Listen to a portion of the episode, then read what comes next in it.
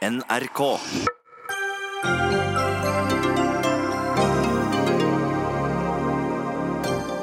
Hvor er den juridiske kompetansen til Tolldirektoratet, spør flere seg etter avsløringa om at direktoratet har overvåka og lagra bilder av uvitende bilister. Dette er en av de viktigste miljøsakene vi har ved siden av klimakampen. Man skal aldri, aldri, aldri gi seg i så viktige saker, sa Venstre-leder Trine Skei Grande om dumping av gruveavfall i 2015. Hvordan forklarer hun da at det er nettopp dumping av gruveavfall hennes regjering åpner for? Og alpinlagets teknikktrener trakk seg fra landslaget etter konflikt med nybakte verdensmester Henrik Kristoffersen og teamet hans. Hvordan bygges framtidas mestere? Gjennom fellesskap og lagfølelse, eller individualisme?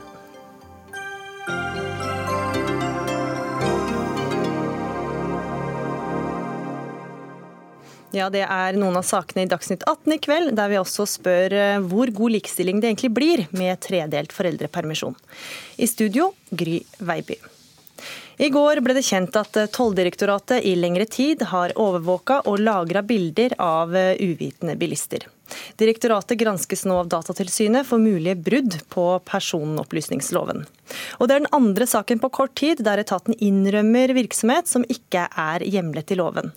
Og Nå er flere politikere bekymra for om ledelsen i Tolldirektoratet har nok juridisk kompetanse. Og En av dem er deg, Grunde Almeland, stortingsrepresentant for Venstre. Først, Hvor alvorlig er denne saken?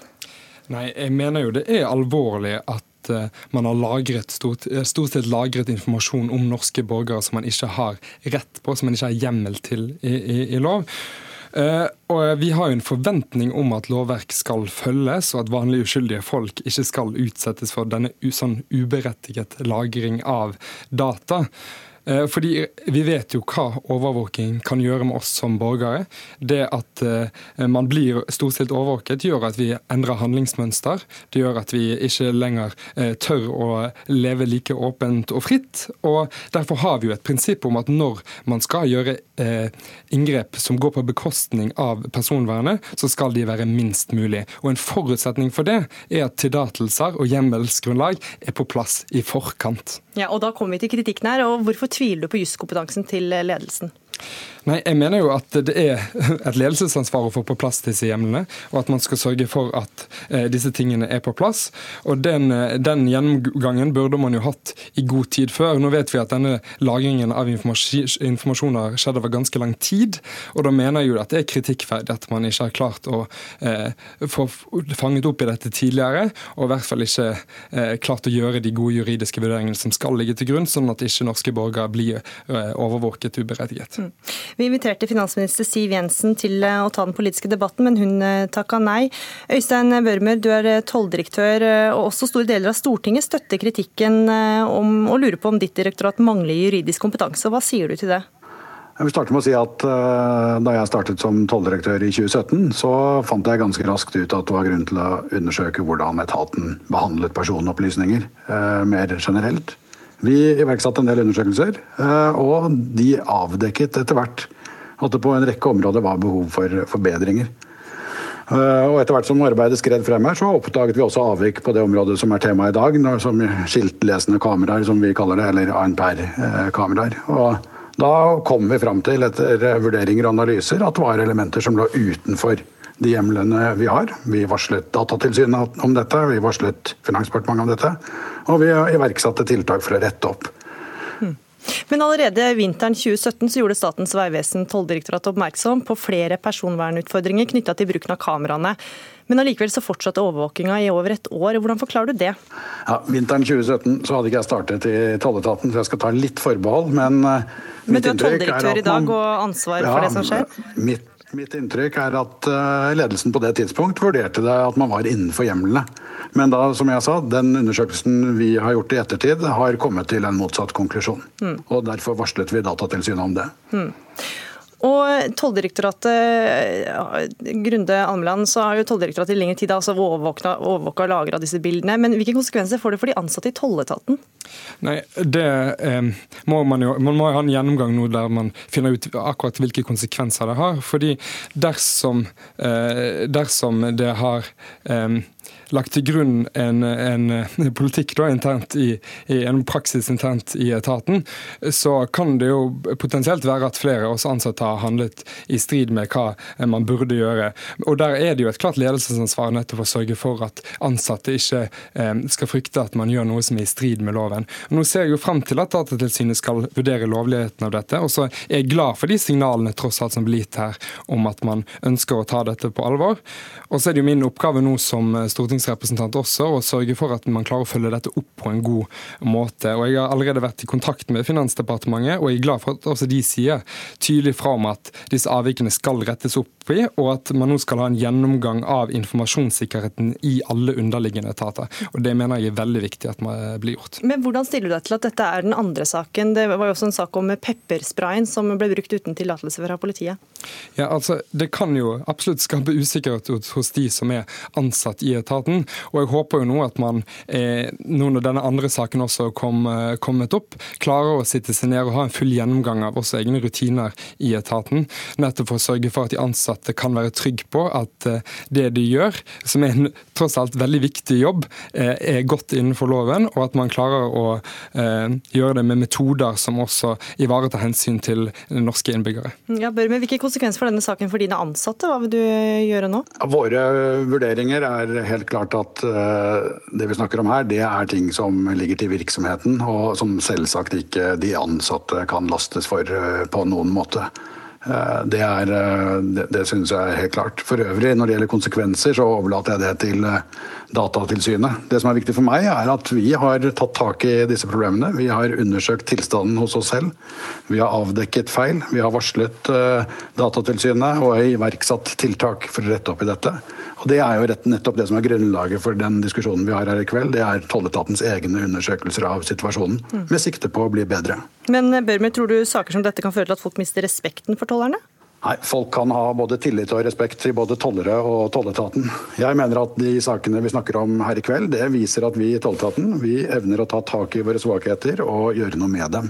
Og døgnet rundt, hele året, så står det tollere på grensen og gjør en jobb for å bidra til mindre smugling og et tryggere samfunn, og det syns i hvert fall jeg fortjener respekt. Mm. Almeland, er du enig i det? Kan folk, eh, at folk ikke mister respekten for tollerne? Ja, den, eh, Vi skal absolutt ha respekt for tollerne, for de gjør en utrolig viktig jobb. Og Jeg også forstår jo at det er et behov for en viss grad av overvåking som bidrar til å unngå kriminalitet og smugling, men samtidig så skal vi ikke ha et system i Norge der det lagres bilder av uskyldige lenger enn det loven tillates, og i et større omfang enn loven tillates tillates.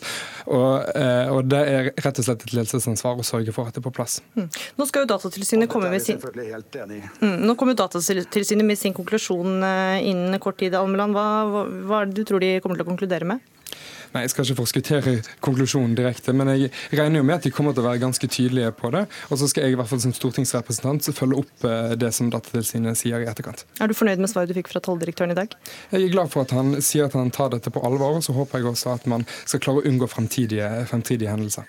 Grunde Almeland, stortingsrepresentant for eh, Venstre, takk for at du var med i Dagsnytt 18. Takk også til deg, Øystein Børmer, tolldirektør. Så får vi vente og se da hvilken konklusjon Datatilsynet kommer fram til. Dagsnytt 18 alle hverdager kl 18.00 på NRK P2 og NRK2.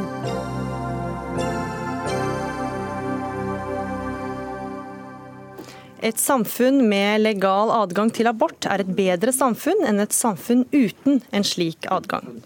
Slik lød uttalelsen om abort fra bispemøtet i Den norske kirke fredag, hvor biskopene også beklager kirkens manglende engasjement for kvinners frigjøring og rettigheter.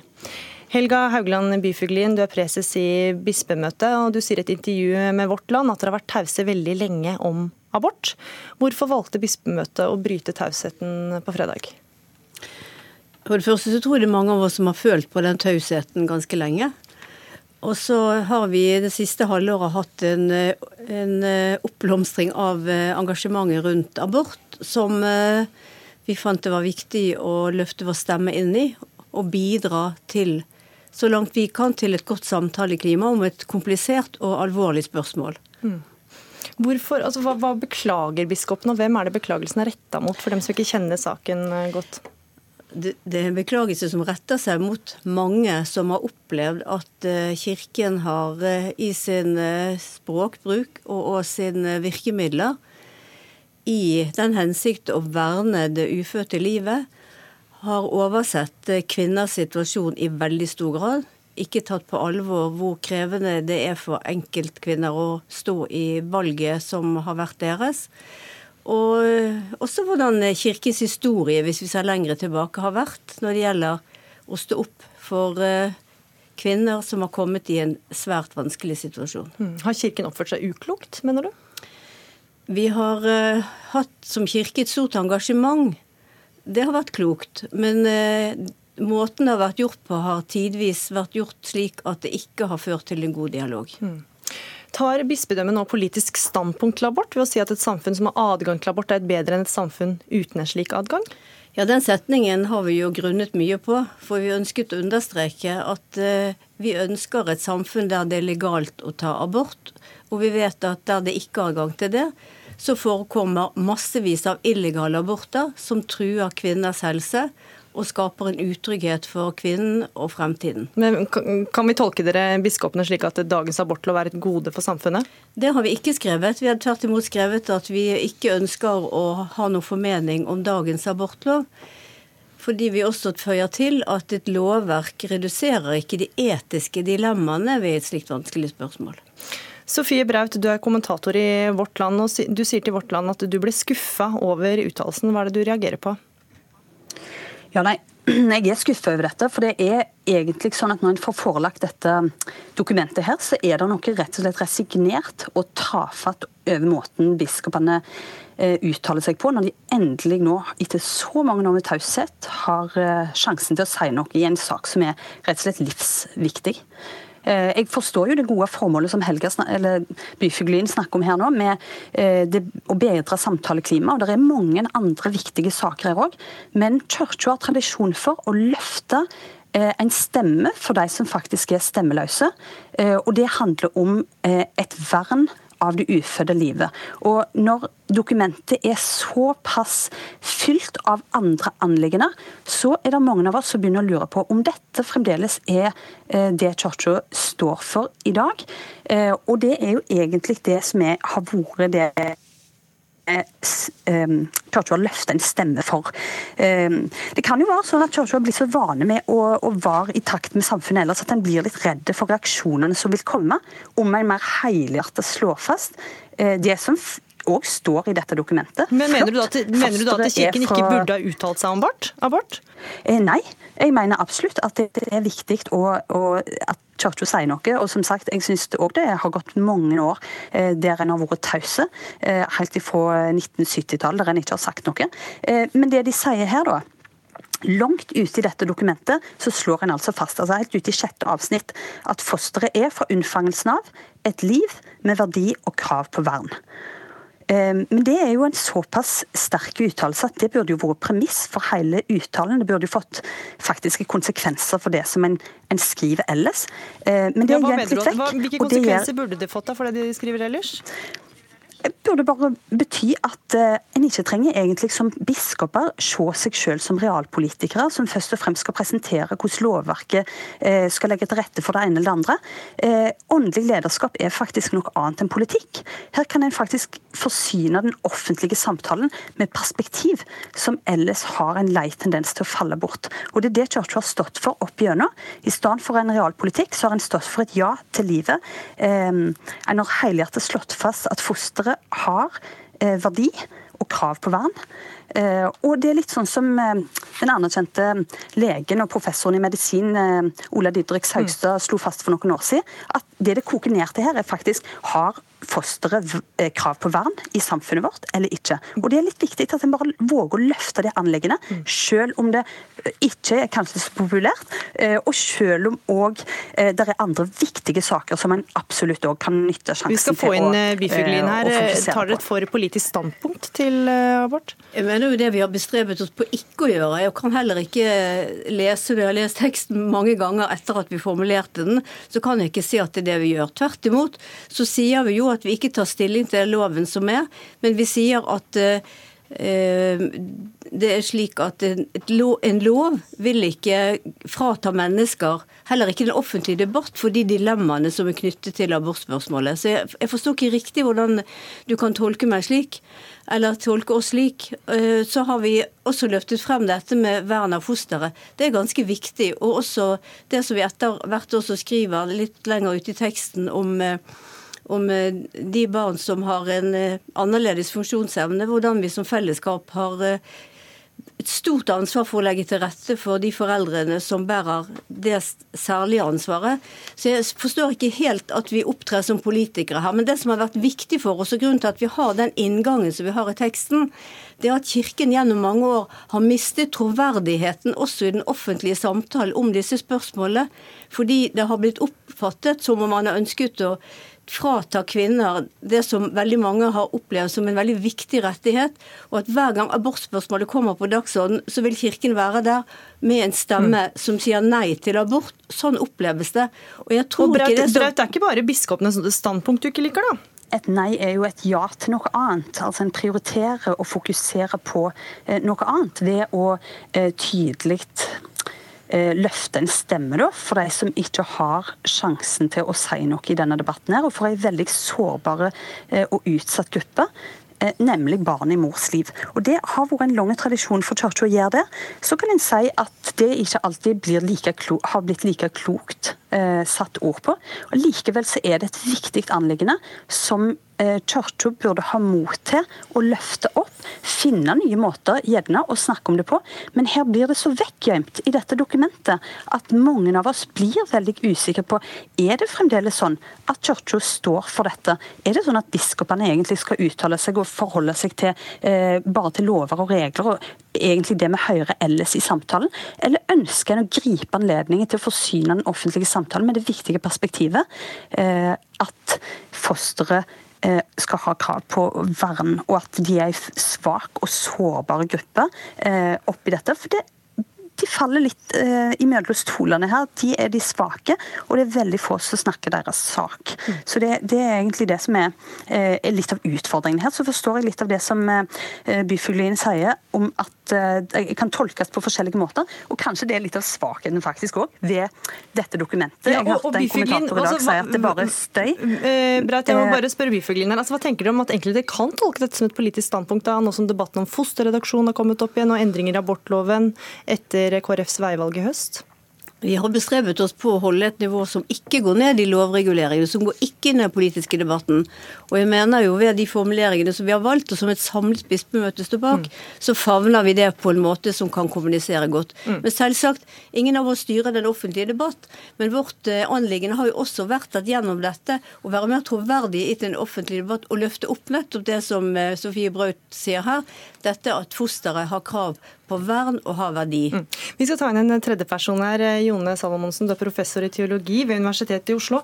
Og Hvordan vurderer du betydningen av at Kirken sier at et samfunn med legal adgang til abort er et bedre samfunn enn et samfunn uten en slik adgang?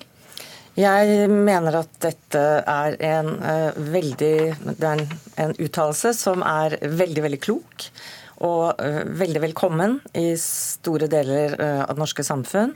Og jeg er veldig stolt av at biskopene sier det de gjør, og nettopp er så nyanserte og ikke går inn i loven, hvordan den er formulert. Men tolker Men, du den politisk? Da vil jeg si det neste, og det er at vår kirke har tatt stilling til en ekstremt viktig sak for lenge siden, og det er at vi har en rettsstat. Og det de markerer her, at abort tilhører det legale, altså retten i et samfunn, uten at de uttaler seg om alle nyansene i den loven. Og Kirken, eh, som mange vet, under okkupasjonen trådte biskopene av, prestene trådte tilbake, og det var en politisk eh, Eh, aksjon. altså Det var en markering av at en lovlig regjering gikk av. Vi fikk en regjering som ikke var lovlig i forhold til statens lover. Så du tolker også dette som politisk? Ja, ikke politisk i den forstand at det er konkret og partipolitisk, men det er en generell støtte til vår rettsstat og, og, sier generelt at det er bedre, det er et bedre samfunn at vi har legal abort enn at vi ikke har abort. Hvilke ø, konsekvenser eller virkninger kan øh, Kirkens holdning nå få, tror du, politisk? Det kan bli enklere å snakke om det, fordi det som er spørsmålet, som blir det konkrete spørsmålet, som selvsagt ikke bispekollegiet kunne ta stilling til, for det er ikke deres jobb, eh, det er jo hvordan er loven god? Bør den bedres? Og ikke minst dette spørsmålet om hvem som skal bestemme eh, om det skal være en eh, kvinne selv, om det skal være selvbestemt, eller det skal være komiteer. Og det som er veldig viktig å huske, jeg tenker litt på det argumentet til Sofie Braut, som er en forvirring i, i, i denne debatten det er at når Kirken kommer inn og beskytter det vi tenker på som barn, barn i mors liv, så er det fra gammelt av mot fars rett til å bestemme hvorvidt barnet skal leve eller ikke. Det var noen som bestemte, og Kirken beskytter den retten på den måten at barnet eies ikke lenger av far, men av Gud. Og vi lever i et helt nytt samfunn hvor det ikke går an å tenke fullt så enkelt. Og, og vi lever i et moderne samfunn hvor kvinner deltar i yrkesliv osv. Og, så og vi må snakke om ting som er ubehagelige men som er reelle situasjoner som vi står oppe i. Og da må Kirken noen ganger snakke etisk. Og dette kommer det helt sikkert til å mer, eh, bli mer om i din avis, eh, Sofie Braut, kommentator i Vårt Land. Takk for at du var med i Dagsnytt 18. Takk også til deg, Jone Salomonsen, professor i teologi ved Universitetet i Oslo. Og takk til deg, Helga Haugland Byfuglien, preses i bispemøtet Den norske kirke.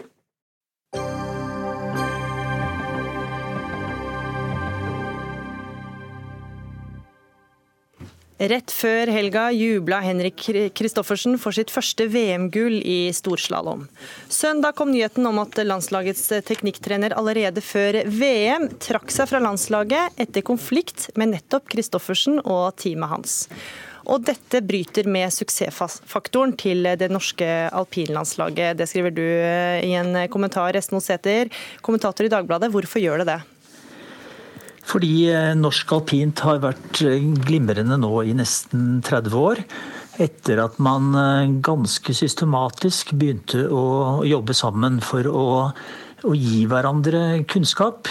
For hele tiden å prøve å, å hjelpe hverandre. Og man fikk trene, en treningshverdag hvor hvor den enkelte har et, et ansvar også for, også for, de andre.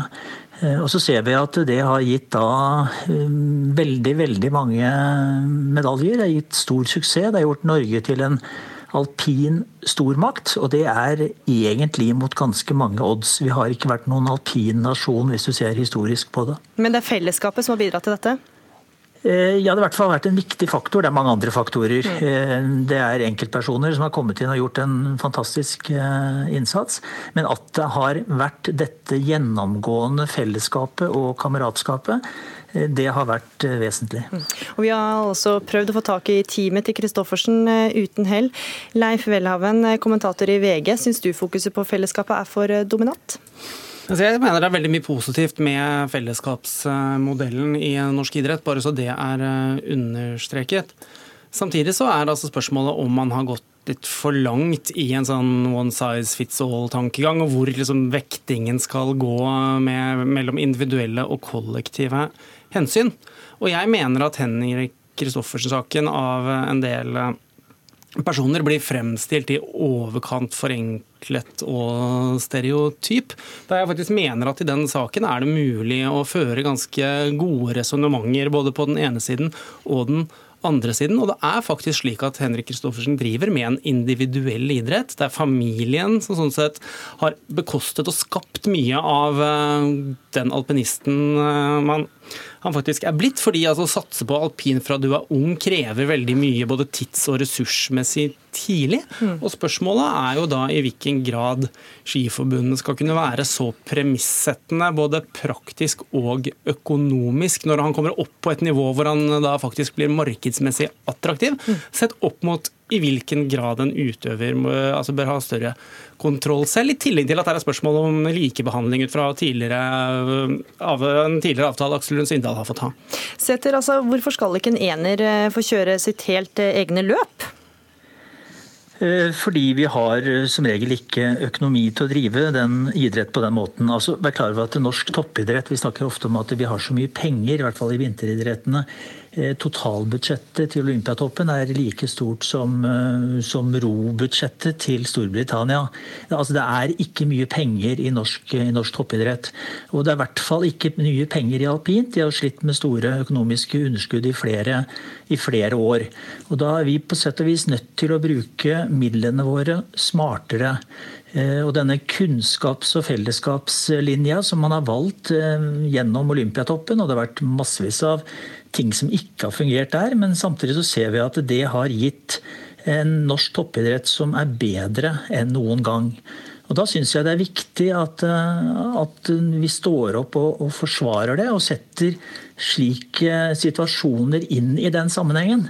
For det er så veldig lett å jatte med de aller beste. Ja, altså, altså, hvor, det er så, det er så hvor, stor grad, ja, hvor, I stor grad skal toppidretten tilrettelegge for enerne?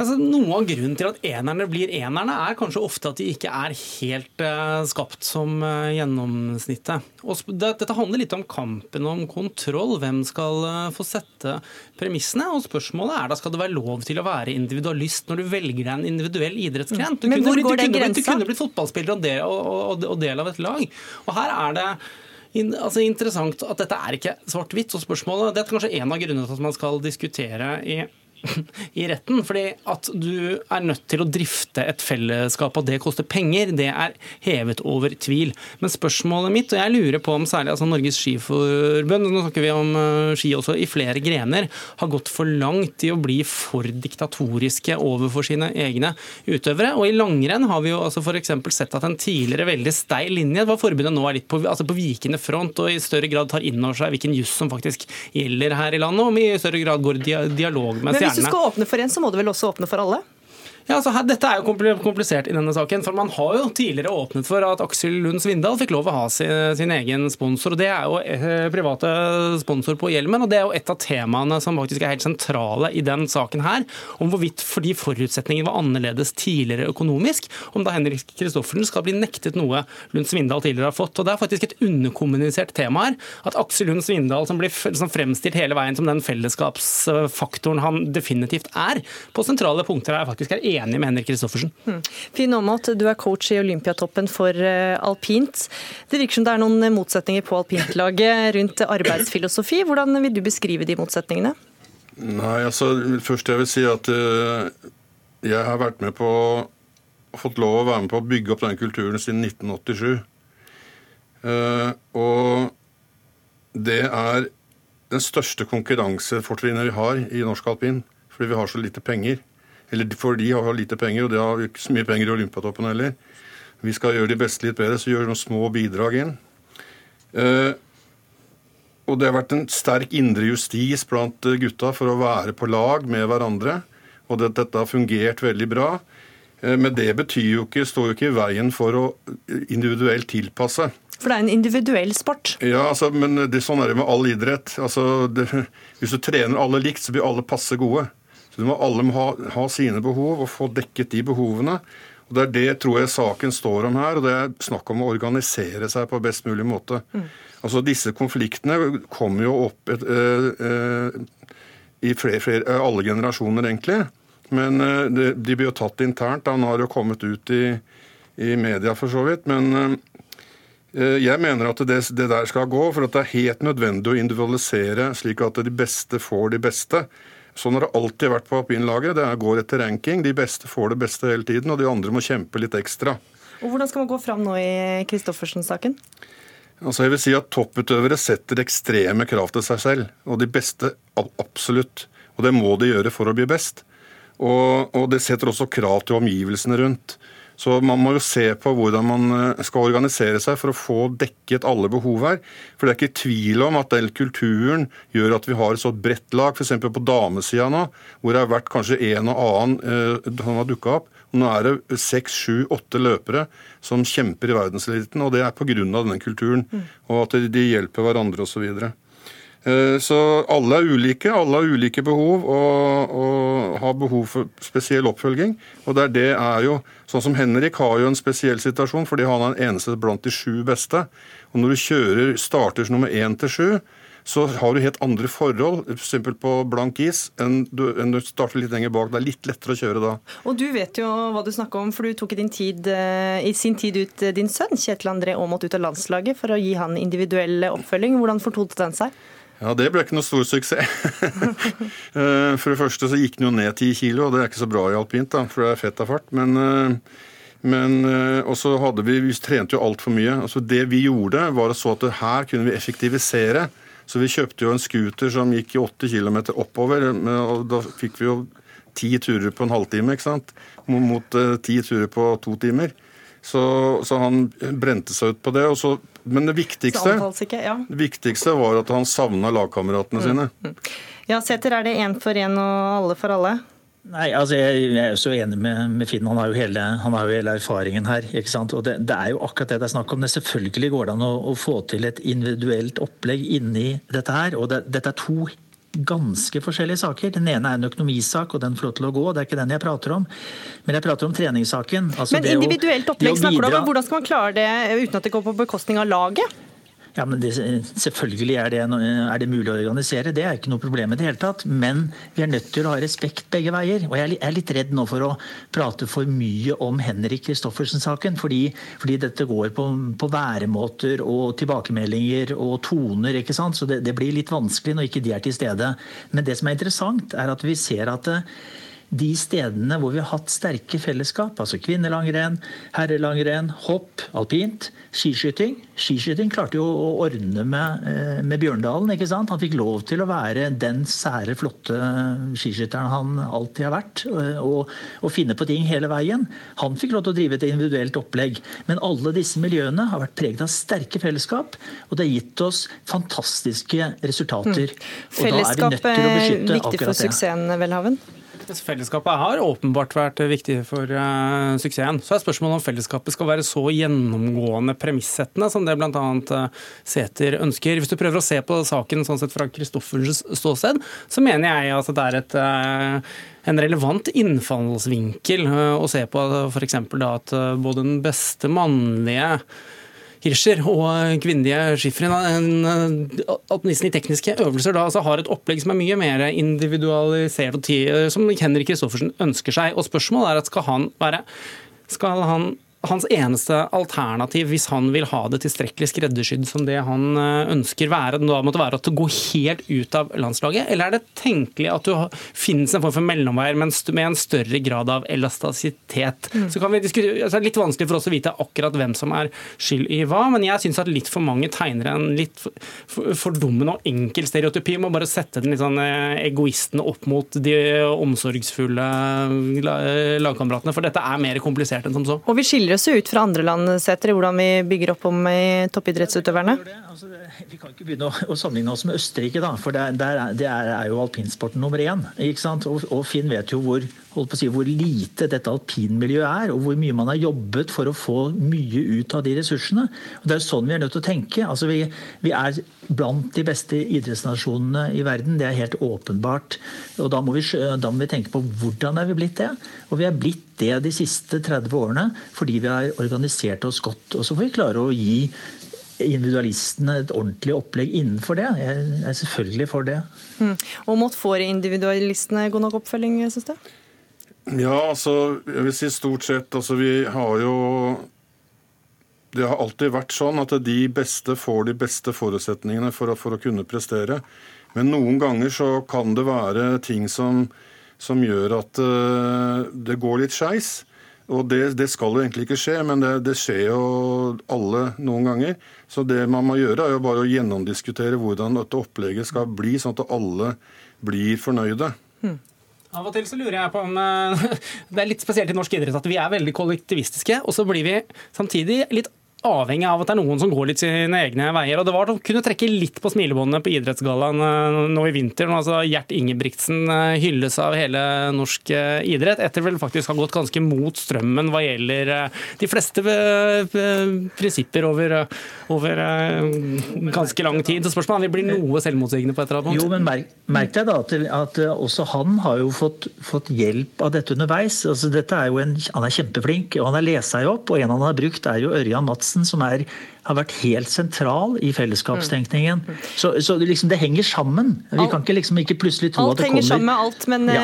Eh, dobbeltmoralismen eh, lever eh, kanskje lenge. Esten Oseter, kommentator i Dagbladet, takk for at du var med i Dagsnytt 18. Leif Welhaven, kommentator i VG, takk for at du var med. Og Finn Aamodt, coach i Olympiatoppen for alpint.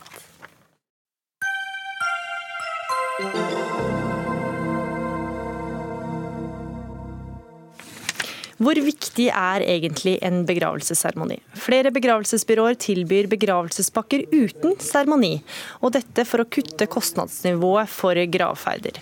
Men eh, mister vi ikke et viktig verdigrunnlag på veien når seremonien uteblir?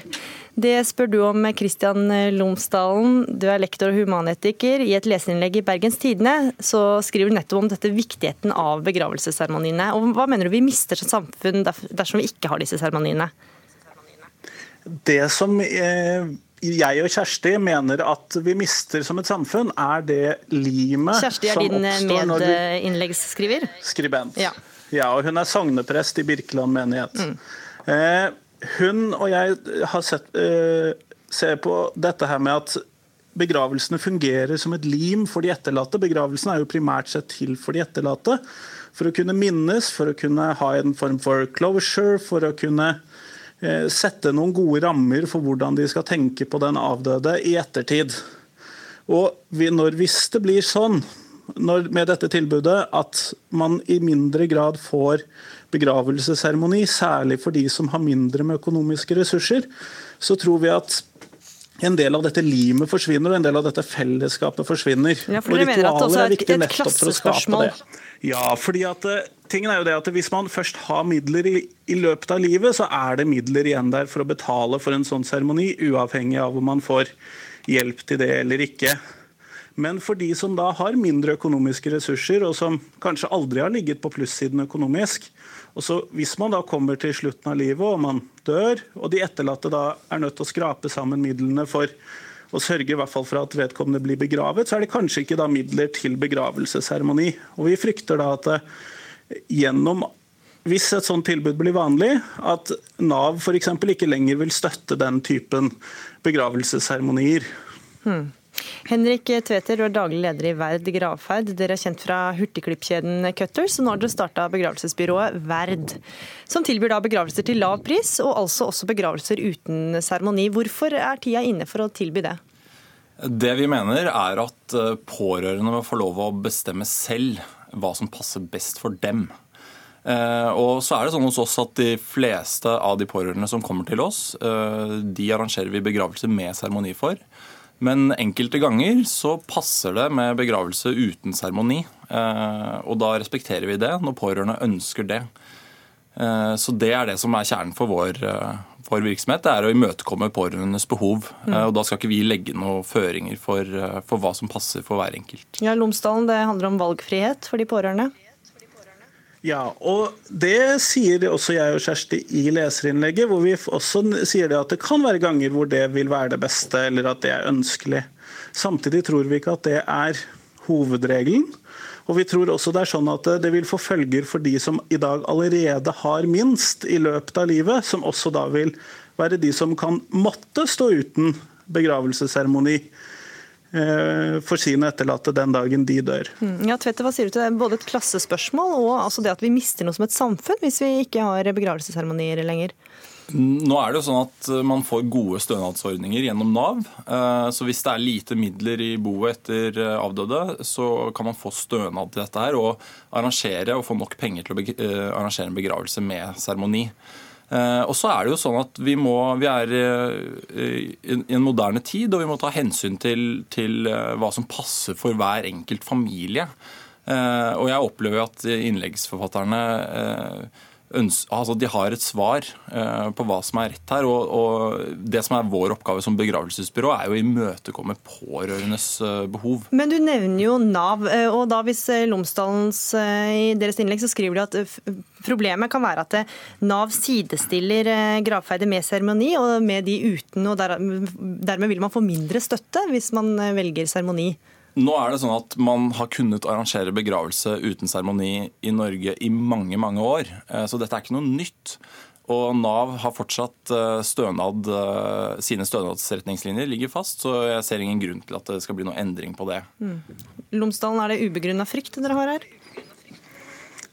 Det tror jeg ikke. Men tingen er jo det at det har absolutt vært mulig å begrave noen uten seremoni, og man kan selv velge seremoni og hva slags seremoni og hvem som skal holde den.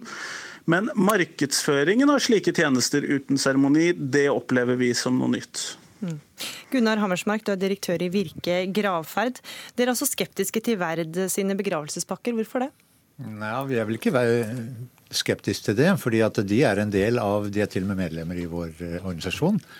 Det som har vært spenningen, og som vi er opptatt av å få en refleksjon på, det er at de valgene pårørende gjør, at de får god nok tid til å gjøre det. Og jeg syns det er kjempeviktig å si at ingen skal måtte velge bort en seremoni pga. økonomi.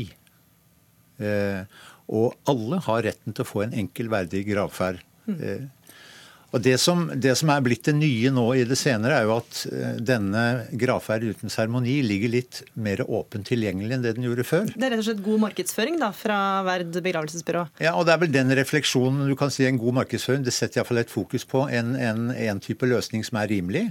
Og så blir jo dette som jeg opplever kronikkforfatterne ønsker å få opp, eh, er vi i ferd med å miste noe hvis dette tar av?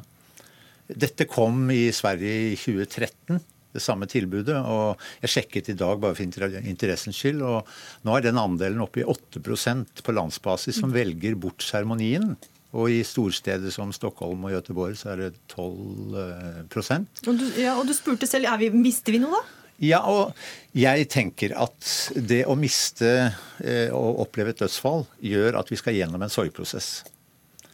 Og Eh, jeg tenker For de aller fleste av oss så er det å gå igjennom den sorgprosessen en viktig del av dette. Når det er sagt, så er det kjempeviktig å si også at det fins gode grunner for å velge bort en seremoni. Og vi ser at tradisjonene er litt i endring. Kan det tenkes også at vi velger en seremoni på en annen måte enn det vi gjorde før? Eh, det er det noen som gjør i dag. Økonomi også kan jo være en sånn grunn. For hvor mye koster en begravelse i dag?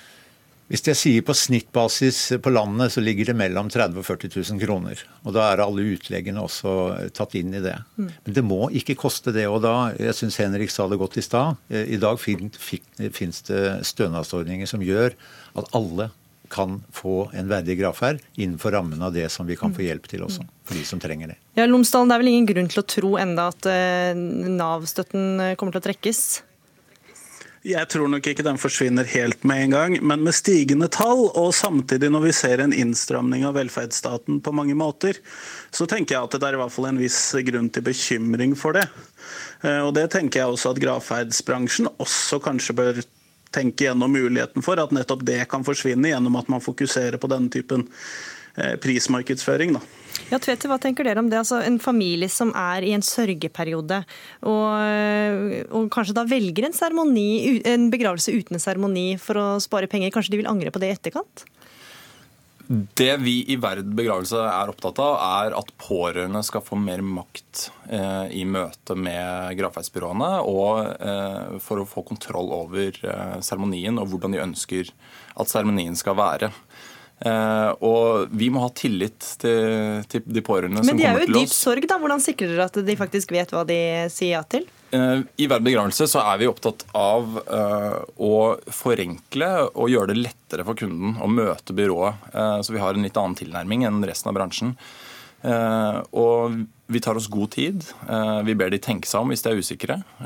Og det er klart at det er krevende for mennesker i sorg å ta avgjørelser. men Eh, men vi må stole på at de, de, kan det. Eh, hva er alternativet? Eh, vi kan ikke tre seremonier over øra på folk. Det må, det må pårørende få bestemme selv. Mm. Og Dere driver jo markedsføring. Hvem er det dere henvender dere til når dere, dette begravelsesbyrået? Nei, Vi markedsfører oss eh, tradisjonelt gjennom Google. Eh, så hvis man søker etter begravelse, så dukker vi opp der. Eh, så, men Eh, vi mener at også gravferdsbransjen har en del større utfordringer enn eh, om man har begravelse med eller uten seremoni. Eh, og det er jo noe av det vi har forsøkt å løse når vi starta Hver begravelse. Vi tilbyr pakkeprisordninger. Vi har begravelse med seremoni til fast pris og begravelse uten seremoni til fast pris. Og så har vi alle tilvalg, mm. altså ekstra musiker, mm. ekstra blomster og sånne ting til våre innkjøpspriser. Uh, og det gjør at vi blir rådgivere uh, i den prosessen. Uh, så Hvis du har lyst til å booke inn et band til seremonien din, da, så skal det koste 10 000 kroner hvis bandet skal ha det. Det skal ikke koste 12 500. Så der skiller vi oss fra, fra, resten av bransjen. og Det er også noe av det vi ønsker å rydde opp i. Mer konkurranse i bransjen, er det på tide, Hammersmark? Konkurranse i bransjen har det vært uh, i svært mange år. Jo, men Dere henvender jo til pårørende som kanskje ikke er i beste form til å ta eh, beslutninger. og Det er vel ikke sånn at man søker etter forskjellige steder for å finne den billigste prisen når man står foran en gravferd? Nei, det gjør man ikke. og Derfor så er faktisk den, uh, den prisinformasjonen som ligger ute på hjemmesidene som vi er pålagt i henhold til prisoppslutningsforskriften, kjempeviktig å ha. Og så er rådgivningen, som man sier, altså dette med pakker som, som de nå kjører Eh, det er én måte å gjøre det på. Alle byråene leverer pakker i dag, men den gjør de etter at de har hørt hva pårørende ønsker, og til en fastsatt pris, så at de også når de går ut av døren første dagen, vet hva dette handler om. Så eh, Det er nok bare en ny måte å tilnærme det samme produktet på, pakket inn på en litt annen måte. Og den konkurransen den skal vi eh, ha der ute på den ene eller andre måten hvordan vi markedsfører gravferdstjenesten. Til beste for pårørende. Og Lomsdalen, du hører jo her at eh, begravelsesbyrå de åpner jo bare opp for da, hva de pårørende ønsker. Ja, det gjør de. Og der har man jo stått fritt i mange år allerede. sånn at det er jo i seg selv ikke noe nytt.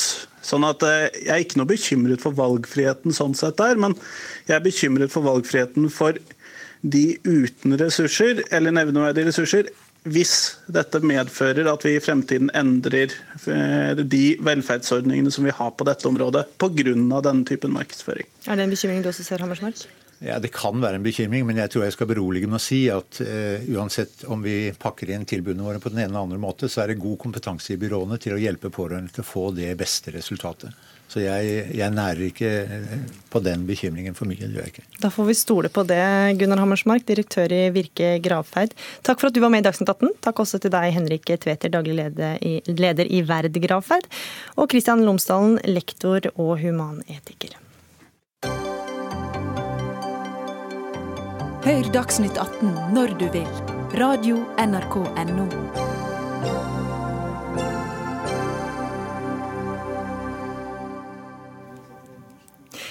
Da kommer eh, neste gjesten inn her, og vi skal eh, snakke, straks snakke om tredeling av foreldrepermisjon. Men først skal vi til saken som miljøvernerne rasler med lenkene for, og omtaler som en miljøskandale av dimensjoner. For torsdag ga Næringsdepartementet tommel opp for at gruveselskapet Nussir får lov til å dumpe gruveavfall i Repparfjorden i Finnmark. Og dette er en av de viktigste miljøsakene vi har ved siden av klimakampen. Man skal aldri, aldri, aldri gi seg så viktige saker. Det sa du, eh, Trine Skei Grande, du er leder i Venstre, til NTB i juli i 2015 i forbindelse med gruvedumping i Førdefjorden. Og nå er det da den regjeringa du sitter i, eh, vil som et av få land i verden dumpe avfall ut i Repparfjorden. Og hvordan forklarer du det? Nei, dette, når, vi, når, dette skjedde i 2015, så tok vi opp det på Stortinget. Vi prøvde å få stoppa dette fra Stortinget, og vi fremma forslag om det. Og så var det et massivt flertall på Stortinget med Høyre, Frp, Arbeiderpartiet og Senterpartiet som stemte oss ned. Vi tapte den kampen i 2016. Eh, så men så sitter du i regjering nå, da. Ja, det er jo din regjering da, som kommer til å gjennomføre ja, nå var disse tiltakene, nå var disse tillatelsene gitt uh, før i, og vi prøvde å stoppe dem på Stortinget og klarte ikke. Men det som var viktig for oss på Jeløya, var jo å si at dette må vi slutte med. Så alle framtidige prosjekter må vi, må vi stoppe. Det, vi må slutte med å, å, plassere gruveavfall i fjorda. Så fikk vi ikke stoppa dem som allerede var vedtatt, men vi har fått en formulering som også står på Granavolden-erklæringa om at dette skal vi slutte med. Men ifølge flere miljøorganisasjoner så er det ikke planlagt planlagt nye sjødeponi. Så hvor mye betyr eh, den lovnaden du kommer med nå, når det ikke er så realistisk? Ja, det, Vi er jo ikke sikre på at det aldri blir planlagt noen nye sjødeponi. Det hadde vi klart å men få de nærmeste åra, da? Ja, men hadde vi klart å få til dette for noen år siden, så hadde vi klart å stoppe både, både Repparfjorden og det som skjer i Sogn og Fjordane. Så vi, vi, står på vi for å kjempe disse sakene gjennom, og det er bare én ting å gjøre for at vi skal gjøre dette videre, og det gjør de grønne partiene større. Mm. Hvis Venstre skal beholde noe av troverdigheten troverdigheten sin som et miljøparti. Må dere gå ut av regjering pga. denne saken? Er det noen som mener Det er jo ingen som tvinger dere til å sitte i regjering? Nei, men da kommer vi antageligvis til å miste det at vi nå skal få til et moratorium på, på gruvedumping i fjorda. Da kommer vi også til mest Lofoten og Vesterålen, som vi har sikra gjennom vår deltakelse. Dette er stadig vekk viktige miljøkamper å stå i. Da kan de grønne partiene velge å stå på utsida og, stå, og protestere for all verden, men at vi ser at vedtakene kan bli til.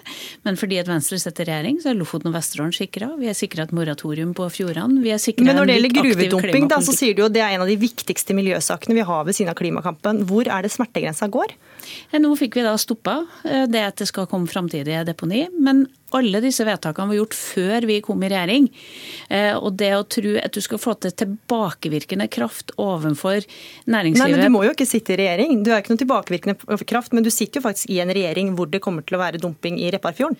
Men vi, satt, satsa, vi gikk inn i regjering, så fikk vi et eget lovverk som sier at vi nå skal stoppe den type. Eh, og alle de vedtakene var gjort før vi kom i regjering. Mm. Men noen vil jo si at dere sitter i regjering nå. Var det ikke nettopp derfor dere gikk inn i regjering? da, For å ikke at disse sakene skal skje på deres post. Ja, Saker som du sier aldri, aldri, aldri skal gi seg på. Ja, det var derfor vi fikk til det moratoriet som vi gjør, som gjør at det ikke skal gis noen nye tillatelser uh, utover det som vi, uh, utover dem som lå i bordet når vi gikk inn i regjering. Så kanskje vi skulle ha gått inn i regjering tidligere, da. Det er kanskje det er et argument for dette. Unge Venstre-lederen sier han vil lenke seg fast i protest, og at naturen er den viktigste politiske saken i vår tid. Hva vil du si til Sondre Hansmark nå? Ja, jeg skjønner, at, jeg skjønner, de ungdommene som er engasjert med å prøve å stoppe. Jeg skjønner gamblisene som er engasjert for å få det til òg. Men for oss var det viktig å få inn et eh, lovverk som gjorde at når vi gikk inn i regjering, så ble eh, politikken knytta til fjorddeponi endra. Hvor, hvor stor troverdighet eh, har Venstre som klimaparti nå, mener du? Altså, klima, dette er vel ikke en klimasak, så i klimapolitikken så har vi levert en miljøsak, den, altså Miljøpartiet? Ja, det er klart at vi vil, vi vil, kjempe mot den type deponi, og det er derfor vi fikk inn de formuleringene vi gjorde på Jeløya. Så dere har ikke mista noe troverdighet som miljøparti? Jeg tror at alle sammen skjønner at kanskje skulle Venstre gått inn i regjering litt før, da, hvis vi skulle ha klart å stoppe dette. Vi skal sette en strek for Repparfjorden i denne omgang og gå tilbake til tredelt eh, foreldrepermisjon. For kvinner må omfavne tredelt foreldrepermisjon i likestillingens navn. Det kunne vi høre både NHO og LO gå ut og si i dag morges her eh, på Dagsnytt. For ordninga der 19 uker permisjon eh, til far, tilsvarende til mor og 18 uker til fri disposisjon for foreldre som tar ut eh, lengst mulig permisjon med 80% lønn, har fått kritikk. Fredag gikk familiepolitisk talsperson og leder for Viken Høyre ut og varsla at de vil be regjeringa om å se dagens ordning, om den er fleksibel nok. Og I dag kunne vi også høre deg, Eva Grinde, kommentator i Dagens Næringsliv, si at det nærmest er ønsketenkning å tro at denne tredelinga vil gi mer likestilling. og Hvordan begrunner du det? Det er jo alltid rørende og fint når LO og NHO går sammen og, og mener det samme. Men um, denne gangen her så har de ikke særlig grunnlag for å gå ut på den måten de gjør. Og det er fordi at det fins veldig lite forskning som kan slå fast at Eh, kvote til pappa økt kvote til eh, far eh, fører til likestilling. Og da kan vi tenke på likestilling i arbeidslivet og likestilling i hjemmet. Altså likestilling i den form at kvinner får flere lederjobber, mer lik lønn osv. Og, så og også at mor og far deler hjemmearbeidet likere mellom seg. Eh, tvert om så var det en svær studie som ble publisert i fjor, som viste at da man økte pappakvoten fra seks til ti uker, så var det ingen merkbar effekt på likestilling. 嗯。Så det var det jeg mente med det. Ja, Tredeling er jo en hjertesak for dere, Trine Skei Grande. Ja, et veldig viktig gjennomslag på Jeløya. Ja. du er jo som sagt partileder i Venstre, men også kultur- og likestillingsminister. Hvordan kan du si at det fører til mer likestilling? Jeg er nok ikke enig i, i Grende sin kommentar her, som sier at liksom den ene undersøkelsen viser at vi ikke får til endring. Det er flere. Ja, men, det, men jeg har også undersøkelser som viser til det motsatte. Nemlig at det vi vet, det er at pappa sitt uttak handler ofte om hvor mange uker vi forbeholder far. Så har vi sett tidligere at mye av det har også ført til at noen pappaer har tatt ut sammen med ferie med mor og sånn. Og da tror jeg heller ikke at du ser noen stor holdningsendring i, i familier på å gjøre det. Men far tar ut det han får? Far tar ut det han får. Det er et godt argument for at vi faktisk må, må sikre far at far også får sin del av tida sammen med unger. Så vet vi det. Det er to ting vi vet. Vi vet at kvinner som er ute lenge i permisjon, sakker akterut i lønns og i karriere på sin egen jobb. Så det å faktisk sørge for at mor og far deler det mer rettferdig, vil også over tid føre til at du får mer lik karriereutvikling for menn og kvinner. Men hvordan vet du at de kommer til å dele det likt når det er frivillig, den midterste delen? Ja, Vi får nå håpe at dette utvikler seg, da. Men det vi nå sørger for, er at far får en større andel. Og jeg tror ikke at det er så mange nå som mener at du liksom skal dele det 50-50, og det har noe med ammeråd og en del andre utfordringer som vi klarer å holde innafor den tredelinga som vi nå har. Og så er det andre er jo at du krever jo at du får en holdningsendring eh, hvis du også skal sørge for at dette påvirker likestillinga. Og da må du ha en, at unger har en lik nær relasjon til pappaen sin som de har til mammaen sin. Og da, da handler det f.eks. ut hvem er det som alltid er hjemme når barnet er sykt, eh, og hvem er det som liksom tar det hovedansvaret i heimen. Og jeg tror at det å øke pappapermen fører til at det er flere pappaer som får et nærmere forhold til barna sitt. Ja, men jeg tenker Det er ikke noe argument for um, likestilling, eller for, som viser at det fører til likestilling, å vise at pappa tar ut kvote. For selvfølgelig uh, gjør han det, for den er jo blitt øremerket far. sånn at... Uh, Den må han ta ut, ellers så mister de det. Ja, Mor og far mister jo den Mm. kvoten med mindre uh, far tar den ut. Sånn at, eh, at eh, pappakvote fører til økt pappaperm, det er jeg helt enig i. Um, og, det, og at det også kan være bra sider av det, det er jeg helt eh, åpen for. Og noe, noe forskning viser jo det at eh, det er bra for barn å få et eh, nært forhold til to omsorgspersoner. Helt klart. Men, men, men det, altså, hovedargumentet for å stadig øke pappakvoten har jo vært eh, likestilling i arbeidslivet og hjemme. Og det er, der, det, det er det hoppet der man ikke kan slå fast foreløpig. Det, det, er- det jeg mener med at det er, det er sterkt av LO og NHO å gå ut, og i og for seg også Venstre, og si at eh, vi er garantert full likestilling, eh, nærmest, eh, dersom vi kjører på med denne tredelingen. Ja, for Grande, Hvis man virkelig Men- mente, jo- mente er om likestilling, så burde man jo kanskje delt permisjonen i to, da. Men det er å karikere og si at vi får full likestilling bare vi har en pappaperm, det er ikke det vi påstår. Men det vi påstår, at hvis menn og kvinner tar ut mer lik permisjon, vil de få en mer lik lønnsutvikling. Det viser forskning. Det har vi rapporter på, både fra Sverige og fra Norge. Og så I tillegg så er det ikke, det er ikke bare LO og NHO. Jeg har møte med alle organisasjoner innenfor arbeidssektoren i forrige uke. Om det er LO eller Spekter eller Akademikerne eller Virke eller NHO. Alle, absolutt alle organisasjonene tror at dette er bra for likestillinga. Men, Men ville det ikke vært bedre for likestillinga å dele den i to? Så hadde man hatt mer forutsigbarhet med hvor lenge far var hjemme, f.eks., og mor var hjemme? et Vi vil også, vi vet at familier er forskjellige, vi vil også gi dem et visst handlingsrom. Og så håper jeg jo nå, nå skal vi ha følgeforskning på det som nå skjer. For det er jo vanskelig å vite, konkludere brennsikkert på et, et forsøk som vi gjør alltid skal, skal være rett. Men jeg tror jo det, at hvis barn får en tilknytning til begge foreldrene, så vil det føre til mer likestilling i heimen. Og hvis kvinner ikke er så lenge ute i permisjon, så vil det påvirke lønnsutviklinga deres. Mitt hovedpoeng var jo at, eh, at det er mye håp og, og tro her. Og nå bekrefter jo du det, at dette må følges opp med forskning for å se hvordan eh, det faktisk virker. Men hvordan tror du, tror du, eh, tror du eh, det har blitt mottatt dersom eh, permisjonen har blitt delt i to, da? Nei, det, jo, altså det man også ser her, er jo egentlig ganske forutsigbar effekt. Nemlig at de- denne siste kvoteutvidelsen handlet jo om å ta i praksis fra mors kvote til fars kvote. Egentlig fra felleskvoten, men all praksis viser at det er eh, mor som tar felleskvoten. Og dermed blir det selvfølgelig protester. Det har vel ikke funnet en eneste at man har tatt vekk et privilegium noen gang uten at det har blitt protester. Sånn at, eh, og hadde du kjørt på med 50-50 i morgen, så hadde det blitt eh, enda mer lyd i den protesten, for å si det sånn. Men det viktige her, det som jeg føler at vi blir heia på, er veldig mange menn som føler at dette øker rettighetene deres til å ha en nær relasjon til barnet sitt. Og f.eks.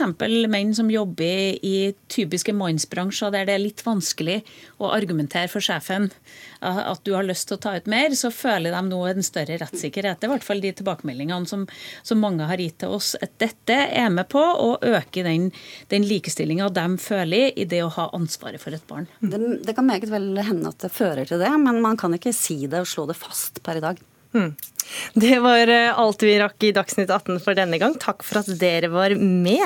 Eh, Trine Skei Grande, partileder i Venstre, men også kultur- og likestillingsminister, og Eva Grinde, kommentator i Dagens Næringsliv. Og med det så er Dagsnytt 18 over denne mandagen. Det var Odd Nytrøen som var, teknisk, nei, som var eh, ansvarlig for sendinga. Hans Ole Hummelvold hadde det tekniske ansvaret, og her i studio er Gry Veiby som takker for følget. Música